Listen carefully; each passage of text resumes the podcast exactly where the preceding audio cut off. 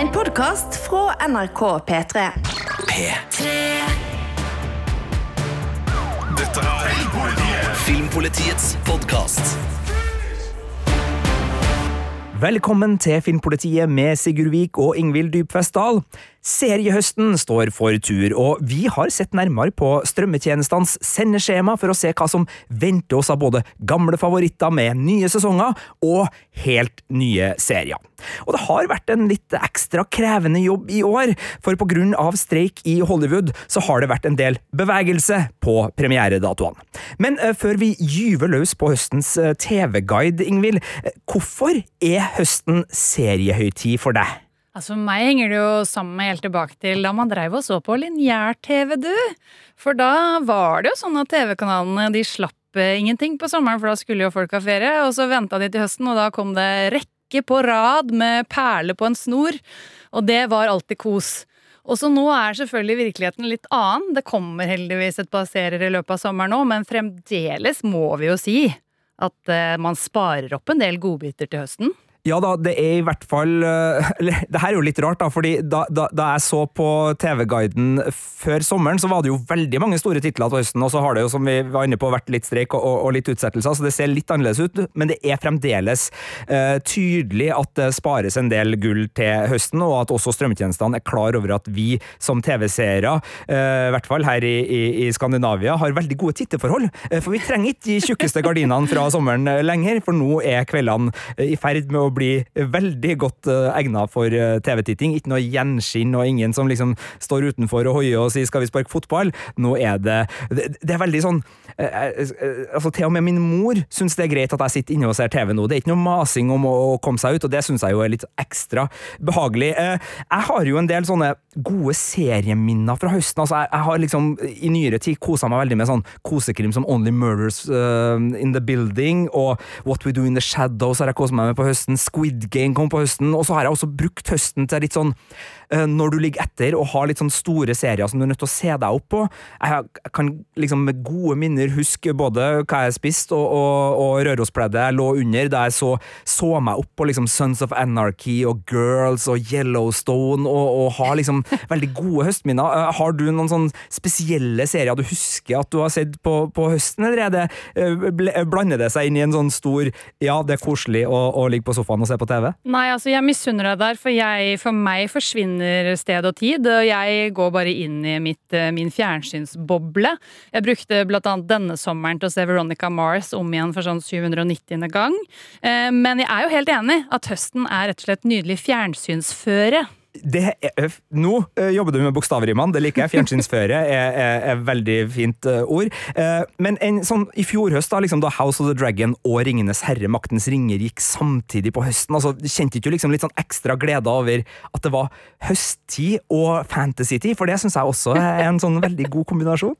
Jo, det var jo deilig ledende spørsmål, men ja. kom jeg, nå kom jeg jo på at de to gikk Altså, jeg vet at de to gikk samtidig, og at jeg koste meg med det, men jeg hadde glemt at det var høsten.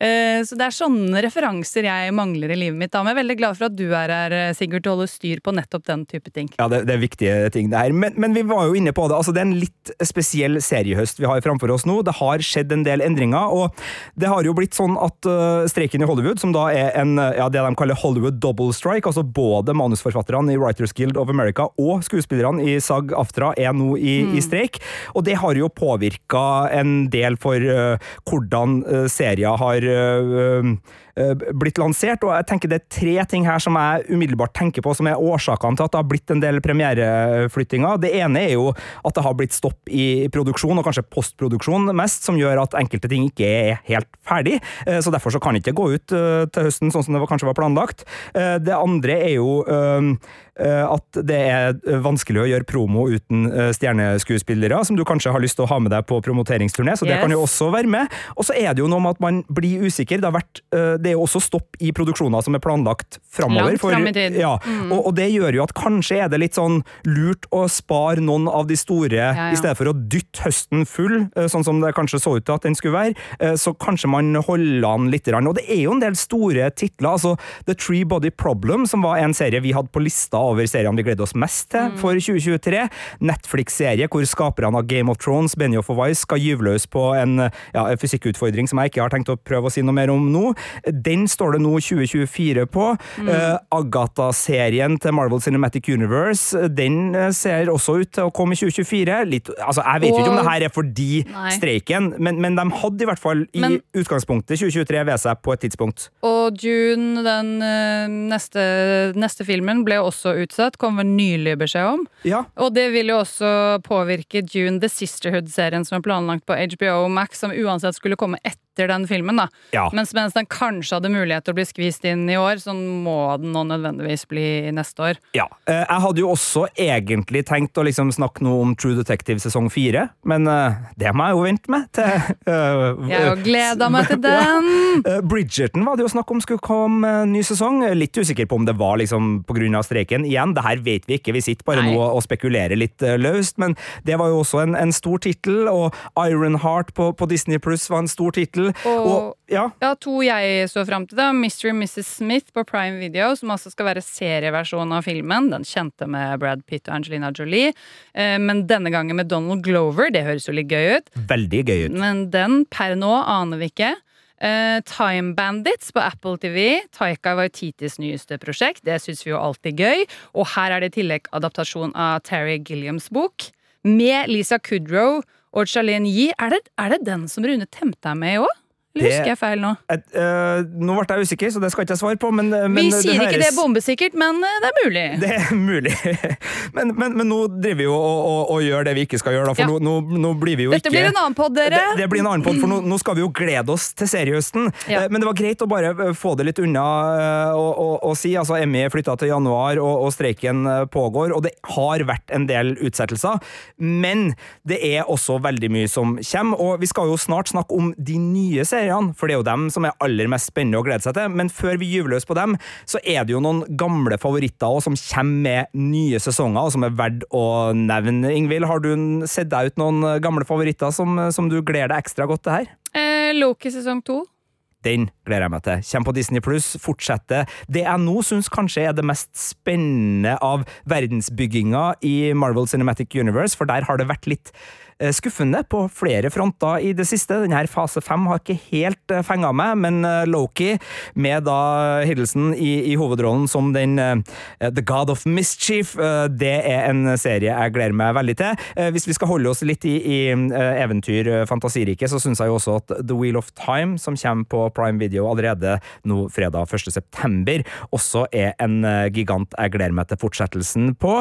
Eh, Vi kan også Eh, nevne Norsk-ish likte jeg veldig godt. Første sesong, selv om det er vår egen kanal. Da, men vi, lov, vi personlig får lov til å glede oss til ny sesong. Det gjør vi, og Norskers sesong to skal komme på NRK TV i løpet av høsten. The Crown, altså Netflix sin store Altså, jeg, jeg tør ikke å love det, men enn så lenge så står det 2023 rundt omkring på uh, den serien også. Eh, Vi vet også at uh, Top Boy sesong tre, eller sesong fem, det spørs litt hvordan du regner på denne uh, britiske gangsterserien, kommer også med sin finalesesong på Netflix nå i september. Babylon Berlin kommer med sin fjerde sesong på NRK TV. Det er en tysk serie som veldig mange har et uh, sterkt forhold til. Og så er jo jeg veldig glad for at Justified Ja. ikke nødvendigvis fortsetter, men får en sånn spin-off som egentlig ikke er en spin-off, i City Primeval, som kommer Ja. allerede 6. september på der har Disney+. vi begge gleda oss der òg, ja. Eh, og det er bare å Det kommer jo straks. Eh, og jeg også har en forkjærlighet for litt sånn eh, ungdomsserier som jeg er for gammel til å se, egentlig, men som jeg liker å drømme meg borti.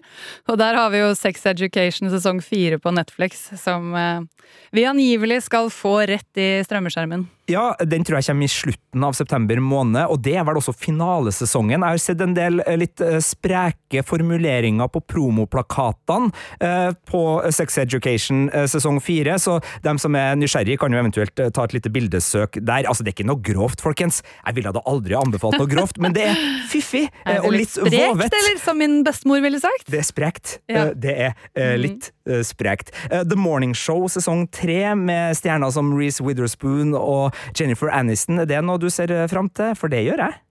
Ja, altså jeg har jo sett de to første. Jeg likte vel spesielt godt sesong én. eh, og ikke like begeistra for sesong to. Men eh, jeg kommer selvfølgelig til å se sesong tre også. Det eh, gjør jeg også, og så må vi jo bare nevne da at eh, enn så lenge så ser det også ut til at eh, Fargo får en ny sesong på tampen av året, i november. Den har blitt flytta litt på, skulle egentlig komme litt tidligere, men enn så lenge så har vi også en ny sesong av Fargo, en serie jeg har gitt terningkast seks til ved tidligere anledninger, og som er en av mine absolutte favoritter, sammen med Justified, så se på han som gnir seg i hendene av serielykke. Men det er jo de vi vet vi gleder oss til, fordi vi har sett gode sesonger av de her seriene før. Det som er spennende, er jo de splitter nye seriene som vi ikke ikke vet noe om enda, for vi har ikke fått sett dem.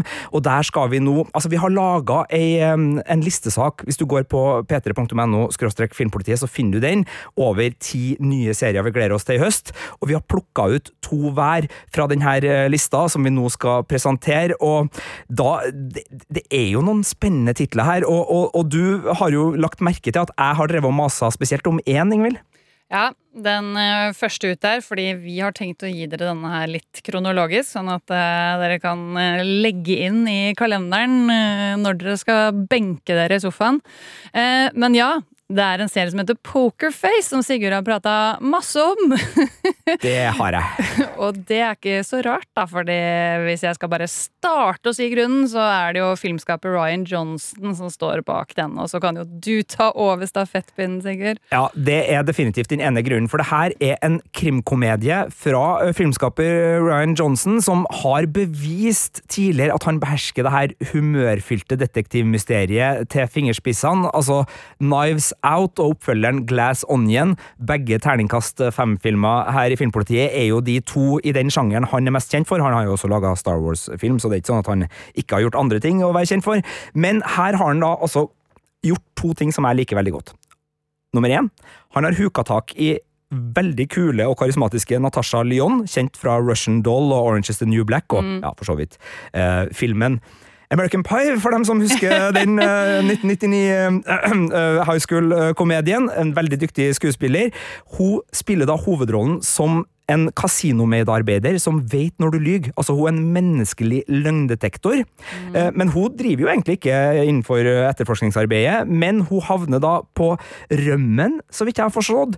Og så er det sånn at hver episode har ett mysterium, så det er ikke liksom sånn én stor tiepisoders gigantisk 'nå skal vi bygge og bygge og bygge'. og bygge. Det er litt mer den her tradisjonelle, du snakka jo om det litt tidligere i podkasten, den her lineær TV-modellen, ja. hvor du kan tune inn en gang i uka og få Law and Order. Law and Order, CSI, Bones, Castle uh, Ja, dere vet, dere vet. Burjack, uh, Derek, osv., osv. Uh, det er den modellen, og det syns jeg er sånn herlig forfriskende å gå tilbake litt dit. Uh, jeg så jo Will Trent på Disney Pluss uh, tidligere i år. Mm. Uh, det var også en sånn serie. Jeg ser jo også på serier som Rookie og Rookie Feds, som ikke er så bra. Men jeg, men jeg, er litt glad i den der krimserien som har det lukka mysteriet, men her føler jeg at jeg får i pose og sekk, da, fordi der det ofte er litt sånn samlebåndskrim over ja. de der Mystery of the Week uh, episodene, så har man her også da prestisjebiten med at det er uh, Ryan Johnson og Natasha Lyon som, som, samarbeider her, og gjestelista er også liksom Joseph Gordon-Lewitt, Ron Perlman, Adrian Brody, Nick Nolte. Altså, dem skal ja. dukke opp. Så, så det er en, en, en viss prestisjesvung uh, over, over produksjonen her, som gjør at jeg da gleder meg veldig til å gyve løs på denne krimkomedien 15.9. på strømmetjenesten Sky Showtime. Så det er jo ikke så veldig lenge til, og det er da en av de seriene jeg gleder meg aller mest til, og som jeg nok tror du vil kunne lese en anmeldelse av på Filmpolitiets sider hvis ting går som planlagt. Da skal du få ta din første serie, Ingvild. Ja. Jeg har tatt Gen V. Og den er jo en helt ny serie, men den kommer fra et kjent univers, eh, nemlig The Boys på Prime Video. Eh, det er jo altså en en superheltsatireserie som vi i Filmpolitiet alle sammen er veldig glad i. Den er helt absurd. Den er jo masse, den er masse vold og blod og splatter, og, men oppi det hele Altså, det er ikke en splatterserie. Det er smart humor rundt dette med superhelter, sosiale medier og ja, vår tids samfunn, på et vis.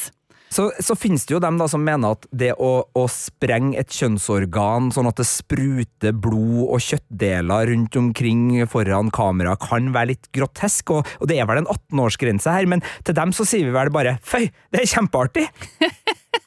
Det høres eh, Vi kan ikke forklare hvordan det funker, men det funker. Så du må rett og slett bare gi det en sjanse. Men er du av den sensitive sorten, så ja, kanskje med litt ta med et håndkle foran ansiktet eller et eller annet sånt nå.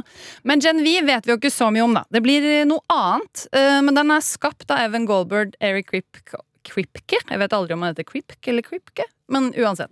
Og Craig eh, Rosenberg, som alle er med fra The Boys. Og så har de med skuespillere helt nye, som Jazz Sinclair, Chance Perdomo og Lizzie Broadway. Og så er det faktisk, vi nevnte Law and Order i stad, det er Law and Order Special Victims Unit-veteranene, Michelle Faseca og Tara Butter, som er showrunnere her. Så det er jo noen som har lang erfaring. Og det vi følger, er altså Den heter jo Gen V, så det er en ny generasjon. Mens den tidligere eh, serien viser superhelter og så driver de og forsker på hvordan de kan skape superhelter med noe som heter Compound V. Og det er jo også det tittelen refererer til her, for her får vi et helt college med unge som læres opp til å bli gode soups, da, som de superheltene kalles eh, i The Boys. Um, og der er det angivelig ikke bare superkreftene som de skal lære å beherske, men som eh, ungdommer flest, eller unge voksne, også utforske fysiske og moralske grenser. Og det kan jo bli spennende. Jeg er jo spent, for du, øh, du nevnte jo superkrefter her, men en viktig del i The Boys-universet er jo også markedskrefter. Fordi Ja. de er jo sine egne produkt, øh, noe som er en del av den herlige satiren. Så jeg håper jo å få se liksom Bedøk øh, og, og markedsføringsfagene på det her colleget, og se hvordan de eventuelt da kan bli så forferdelige mennesker som disse superheltene, eller en del av dem da ender opp med å bli i The Boys, hvor øh, øh, ja, øh, eh, det kapitalistiske systemets ytterkanter eh, benyttes eh, til det maksimale, både når det gjelder omdømmebeskyttelse, omdømmeglorifisering og eh, ja, eh, motivasjon for å gjøre ganske så grusomme og forferdelige ting. Så jeg er også, i likhet med deg, veldig spent på den her Gen V, som da kommer til Prime Video. Når er vi får den? 29. september. Det er jo heller ikke lenge til! Nei, men det, ja, det ligger jo an her til at det kommer til å være litt ulike linjer på den skolen, da, kjenner jeg. Ja. Det er eh, mulig det blir litt eh, markedsføring hånd i hånd med Det, det vil nok være det. Og så er jeg også spent på hvordan fasilitetene ser ut. F.eks. når du har eh, folk som både trives under vann og andre ting pga. Ja. kreftene sine. Så hvordan er gymsalen på det her colleget? altså, det, eh, hvor stor må den være? Ja, teamet Time vil eh, show, som vi ofte eh, refererer til her i Filmpolitiet, og nikker da selvfølgelig høftig til Flåklypa Grand Prix, for det er viktig å eh, eh, eh, oppgi kilder, eh, som vi vet. Eh, jeg syns jo høsten eh, bør ha, spesielt når vi kommer liksom litt uti oktober, en skikkelig høstskrekkserie. Og der har jeg vært bortskjemt de siste årene, fordi på Netflix så har eh, regissør og serieskaper Mike Flanagan eh, gjort fantastiske ting. Altså, Ja. Han ga oss The Haunting of Hill House i 2018.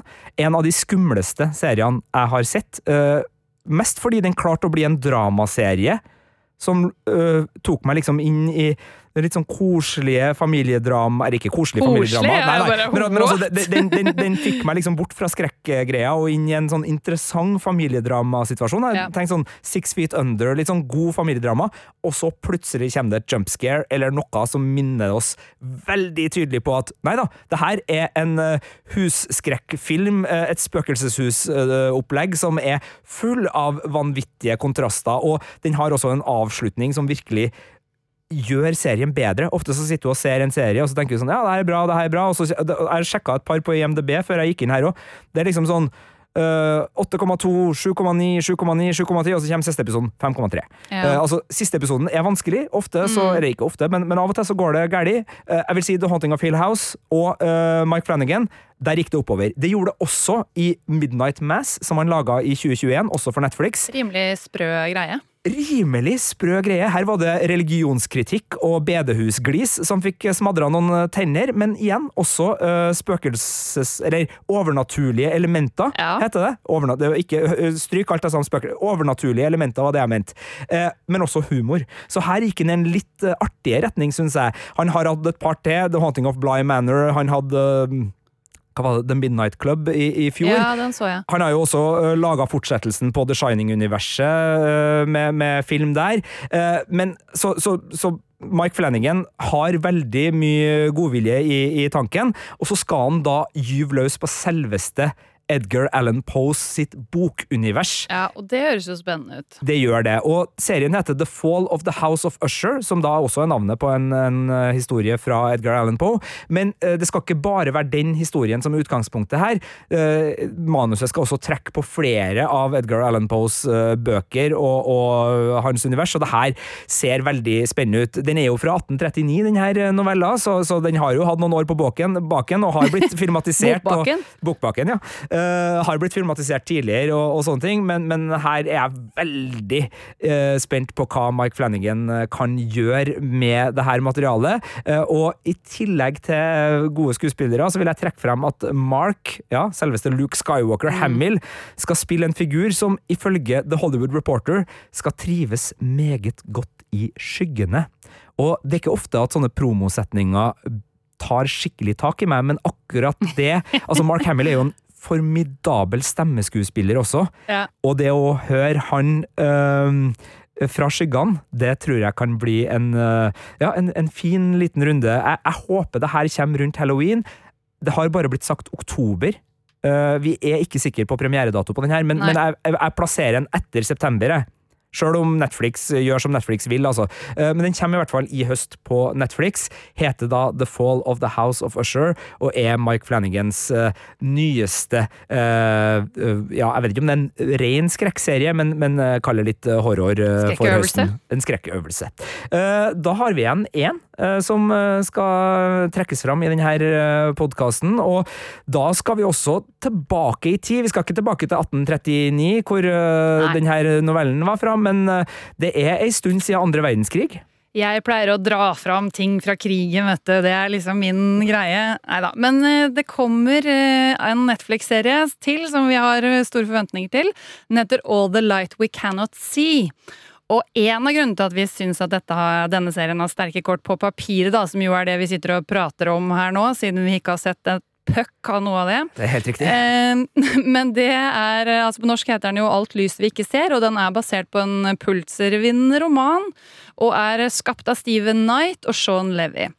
Og britiske Knight han skrev jo filmen Dirty Pretty Things, om de som husker den. eh, Og den var jo faktisk, jeg husker feil, så var Spike Lee hadde den på sin liste over filmer alle filmskapere måtte se for å lære seg å lage film. Og han skapte også seriene Peaky Blinders, ikke helt ukjent. Kan hende noen har hørt om den. En av mine favoritter. Ja. Og Si, som jeg liker, quirky, rar serie. Uh, mens kanadiske Levi han har hatt regi og vært produsent på annet Free Guy, uh, The Adam Project og Stranger Things. Alle kjente Netflix Eller jeg vet ikke om Free Guy var Netflix, men de to andre var i hvert fall Netflix. Eh, og denne adaptasjonen følger en blind fransk jente som heter Marie Laure, spilt av Ari, Aria Mia Loberti. Hun tror jeg er en sånn helt uh, nykommer som de fant gjennom en stor talentkonkurranse eller uh, auditions, auditionrunde.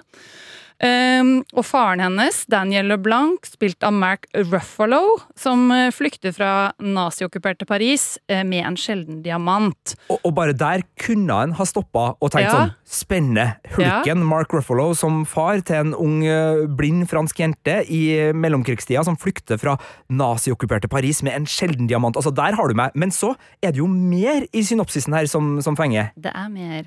Eh, For denne diamanten, foruten at de sikkert uansett hadde havna på nazist, i nazistenes søkelys, gjør jo at de følger dem. Men så havner de hos en onkel, Etienne, spilt av Hugh Laurie. Fra I- House? ja, i Saint-Malo, der de blir eh, involvert i eh, ulovlige radiosendinger som motstandsbevegelsen har. Og historien omfatter også flere av disse nazistene som forsøker å finne dem. Og og fra hva jeg har lest, så er det altså en sånn nyvervet tysk soldat, Werner, spilt av Louis Hoffmann, eh, som Han har som jobb å spore opp disse ulovlige sendingene, men han klarer likevel på et eller annet vis å skape et bånd med da Marie Laure. Og jeg lukter jo liksom litt eh, romantikk her, syns jeg, da, mellom linjene, uten at det står. Et bånd oppstår i hvert fall. Eh, og dette er altså en miniserie i fire deler, og jeg tror i hvert fall Sigurd, og kanskje jeg kommer til å grine. Og så tror jeg dette er en serie som gir oss tro på det mørkeste eh, i. Eller ikke tro på det mørkeste, men at det kommer liksom et lys Ja, av for, for i du enden på av nazistene tunnelen. her, ikke sant? Du, du er imot motstandsradio eh, og, og håper at nazistene får tak i diamanten. Det jeg mener mente var at mørkeste. i mørket gir oss tro på menneskeheten, var det jeg mente. Ja, det, Denne skal angivelig komme på Netflix 2. november.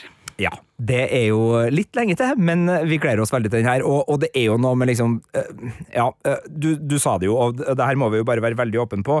Det å eh, drive med det vi kaller gleder seg til-journalistikk, det er en utskjelt gren av journalistikken, og det er det en grunn til, fordi vi har ingenting annet enn promomateriale, markedsføringskampanjer og Og store navn. navn å, å belage oss på her. Og uh, for faste både lyttere og lesere av Filmpolitiet, så vet dere at de listene over ting vi gleder oss til, og de listene over ting vi faktisk syns var best, det, det, som regel så er det noen som figurerer på begge listene. Det er vi ikke alltid øh, korrelasjon. ikke alltid, eh, og, og det er det jo en grunn til, fordi det, det er jo ingen garantier her for at det her blir bra. Men, men vi liker jo å glede oss, og vi liker jo også å si fra. Det vi holder på med her, er jo litt sånn eh, Vi har, vi har sjekka programmet, og vi bare sier fra hva det er som står seg ut. Men så vil jo både dukke opp flere titler, og, og sikkert komme eh, nye eh, Mer info om ting som gjør at eh, det kan godt hende at prioriteringene blir annerledes når vi nærmer oss. Og, og det er klart, sjøl om seriehøsten er lang og det er masse god tid til å se TV, så kommer det jo mer TV enn vi rekker å se. Ja. Eh, Så, så det blir jo noen harde prioriteringer her, og, og vi har jo ramsa opp så mange serienavn nå at eh, du verden, vi får nå se om vi rekker alt, men vi skal i hvert fall prøve vårt ytterste, og så håper vi jo at dere også som hører på nå, har fått noen eh, tanker rundt kanskje hva som skal sirkles inn i kalenderen, sånn hm, skal jeg si ja til den hytteinvitasjonen den helga? Nei, da kommer vel den der nye skrekkserien på Netflix til Mike Flanagan. Kanskje jeg skal Ikke sant? Det, det er et hypotetisk eksempel. Hvem Ja. vet hvordan eh, høsten blir? Eh, ja, og i tillegg, vi har jo faktisk bare ramsa opp eh, av de som vi vet kommer utenlandske og internasjonale serier her. Men eh, vi har jo faktisk noen norske som vi gleder oss til også. Ja, og, og, dem, og grunnen til at vi tar det nå, ikke fordi at de ikke er like gode, for tre av dem er faktisk på denne lista, og det er en, en spennende norsk seriehøst vi, vi har foran oss nå, Ingvild. Ja, det er masse nytt. Eh, Jeg kan jo også si det er mye reality, men det skal vi ikke befatte oss med her. Eh, Men eh, hvis du er av dem som har savna hvite gutter, så har vi en serie som kanskje kan være noe for deg. Fordi det kommer noe nytt på da HBO Max og Discovery Pluss 15. september, så ikke lenge å vente til, som heter Knekt. Eh, og det er en ny norsk serie fra nettopp skaperne av Hvite gutter. Og det de har sagt dette skal være, er et mørkt humordrama med spenning. Og det er altså Johannes Roaldsen Fürst eh, i den ene hovedrollen, og de andre Det er en vennetrio, det her, som ikke har lykkes helt i livet. Det høres jo litt kjent ut, eh, konseptet. Eh, de andre to der er Mikkel Bratt Silseth og Denise Kaja. Eh, De heter altså Jeppe, Stian og B, eh, og har alle falt litt utafor på ulike vis. Og så har de bestemmer de seg for å starte et illegalt kasino i Oslo for å tjene raske penger. Det høres jo gøy ut, da. Altså, du tenker å gjøre det, eller å, å se det? Begge deler. Men Ja. det trenger vi ikke da- si høyt. Nei, ok. Ja. Nei, jeg holder meg på rett side av loven, jeg, Veldig bra, folkens. bra, bra, men Ingvild. eh, det høres gøy ut i teorien. Ja. Eh, Den er altså skapt av Eirik Vattum Bjørnstad og nevnte Fyrst. eh, Og de har altså de hvite guttene, kan vi si. Torjus Tveiten og Jørgen Evensen Pedersen som medskapere. Og så er Julian Hagemann og Karoline Johansen, også de med lang erfaring fra Hvite gutter, regissører. Det vi vet, er at det kommer åtte episoder. To på premieredagen, ellers én ukentlig. Så da er det jo bare å Da har du til og med to kanaler å velge mellom, siden de er, har samme eiere. Men det er flere norske serier vi gleder oss til i høst, Ingvild. Det kommer en slugger som jeg gleder meg til. En slugger om en slugger i norsk eh, politikk. Eh, Makta. Det er altså en dramaserie om maktkamp i norsk politikk. Eh, den tar altså for seg Arbeiderpartiet på slutten av Eller jeg tror fra sånn rundt 1975 og litt utover i 80-tallet. Eh, men altså spesifikt tar den for seg den betente personstriden mellom Gro Harlem Brundtland og Reiulf Steen. Og det som gjør Eller jeg syns jo det i seg selv høres veldig spennende ut, da, men i tillegg så har altså denne serien allerede vunnet to priser på seriefestivalen som heter Cannes Series eh, i april i år. Både for beste serie og beste butikk ja. Mm. Jeg tror det var musikk, jeg, det. Ja, jeg tror det var musikk. Og den har også den forlokkende undertittelen 'Basert på sannhet, løgn og dårlig hukommelse'. Og det er jo litt deilig, for da føler du at det kan bli litt sånn rølp, og at de kanskje ikke er så nøye med sånn historisk helt 100% korrekte ting, men at de kanskje tar seg noen friheter til å gjøre det litt mer juicy, da, tenker jeg. Det er altså skapt av Johan Fasting, Silje Storstein og Kristin Grue. Og så er det Ninja-baby og Kvinner i for store herreskjorter-regissør Yngvild Sve Flikke, som er sånn konseptuerende, jeg klarer aldri å si det ordet, eh, regissør. Og hovedrollen har Katrine Torbjørg Johansen. Eh, kanskje ikke så kjent navn, men du har garantert sett ansiktet hennes. Hun har jo blant annet spilt i Burning 3 og Post Mortem Ingen dør på Skarnes. Og hun spiller altså selveste Gro, mens Jan Gunnar Røise ikke ukjent navn. Eh, Jeg husker han spesielt godt nå fra filmen Barn og serien Pernie. Han har rollen som Reiulf Steen. Men så har vi også da fra de bildene som ligger ute, sett, så det står liksom ikke i omtalen, men eh, på bildene så vet vi at også Nader Kademi, Trond Espen Seim, Anders Basmo og Øyvind Brandtzæg står på rollelisten. Så jeg føler vi kan vente liksom et eh, norsk eh, storlag her, da. Det kommer på NRK i slutten av oktober. Eh, Serien heter da Makta, og ja, tung, tung politisk eh, drama. Nå skal, det var en Jeg tror eh, Black Debatt-referanse på tung, tung politisk rock der som, som jeg ikke helt eh, fikk til. Beklager det. Beklager at jeg ikke tok den. Nei. Men eh, jeg har sett klipp, faktisk, og den ser altså morsom ut også. Tror det er eh, litt humor der. Det blir veldig spennende å se hvordan makta ser ut når den kommer. Eh, vi må jo også ta med en eh, komiserie som uh, går inn i en trend der uh, kjente komikere spiller en versjon av seg sjøl i en TV-rute, Ingvild? Ja, eh, det har vi jo sett mange ganger før, men akkurat denne høsten er det kanskje litt påtagelig at TV 2 har to serier. De har en serie som heter Kjendis AS, hvor Thomas Numme, Harald Rønneberg og Truls Svendsen spiller noen slags, da litt fjernt fra dem, men eh, noen slags versjoner av seg selv. Det er også en komiserie, men så er det den andre TV 2 her, som den vi har trukket fram. Basert på forhåndsomtale og ting vi gleder oss til, uten å ha sett en, en eneste episode av noen av seriene. Uh, Fuckings Fladseth, den valgte vi pga. banning i tittelen. Nei da, vi gjorde ikke det, men uh, Henrik Fladseth uh, er jo en, har vært i hvert fall, ung og lovende komiker. Nå er han blitt 33, så jeg føler det er kanskje litt feil å kalle han ung og lovende. Som en på 41 så syns jeg det er veldig strengt da, å, å sette aldersgrensa der. Så jeg, jeg tenker sånn under 50 er ung og lovende territoriet, ikke det? Uansett har han i hvert fall kommet så langt nå at han har fått sin egen komiserie på TV 2. Ja, det er Oslo Company som har produsert serien, og så er det Øyvind Holtmann og Steinar Kloman Hallert på eh, manus og regi. Og Eh, jeg må bare si, ja. som en som har vært uh, veldig glad i serien Sigurd Fokkepult, uh, så syns jeg den duoen er veldig fin. De har gjort mye annet bra også. Jeg har veldig trua på, på de to, og, og det gjør jo også at jeg følger ekstra med da, på den her fuckings Fladseth, og der fikk vi sagt uh, tittelen en gang til. Men det høres ganske gøy ut. Nok en gang, dette er det vi vet fra produksjonsselskapet selv. Men han spiller altså en komiker som syns han har gjort litt for mye reality-reklame. Høres ut som samtlige kjente komikere, unge komikere i Norge i dag. Eh, og trekkes da mot muligheten til å være Han får mulighet til å være skuespiller på Nationaltheatret og gi ut bok på Gyllendal. Ikke sant? Det er jo litt mer seriøst. Men i denne kampen da om å komme med i kultureliten, så snubler han på et nachspiel. Altså ikke fysisk snubler, men han gjør en fadese og lager en eller annen skandale som ser ut til å føre rett mot kansellering. Og derfra så må han i stedet kjempe for å rydde opp i sitt eget rykte. Uh, og inspirasjonen skal altså komme fra standup-miljøet i Norge. Vi kan jo kanskje bare fantasere, alle kan bruke egen fantasi og tenke på noen som har gjort noen bommerter og nesten blitt kansellert der. Det er vel faktisk flere, så det er sikkert mye å dra inspirasjon fra. Men eh, det er mange navn på eh, rollelisten, og det vet vi ikke om de spiller seg sjøl eller om de spiller versjoner av seg selv, de også. Men det er i hvert fall eh, for eksempel Martha Leivestad, Jørnis Josef, Frida Humlung, Lars Berrum, Steinar Klovman Hallert igjen, Morten Ramm, Magnus Devold, Trine Wiggen og Martin Lepperød. Så det høres gøy ut, syns jeg. Det høres uh, gøy ut. Og her må vi jo vente ei stund, for det er vel først i november at uh, fuckings Fladseth uh, kommer på TV2. Men ut fra promomaterialet vi har fått vite om denne serien, så er vi i Filmpolitiet nysgjerrig, og vi gleder oss til det her er noe vi kan begynne å se på. Absolutt. Det var vel de seriene vi valgte å plukke ut i denne podkasten, hvor vi prøvde å skissere litt hva som er i vente på seriehøsten 2023, og ikke minst da hva vi gleder oss mest til.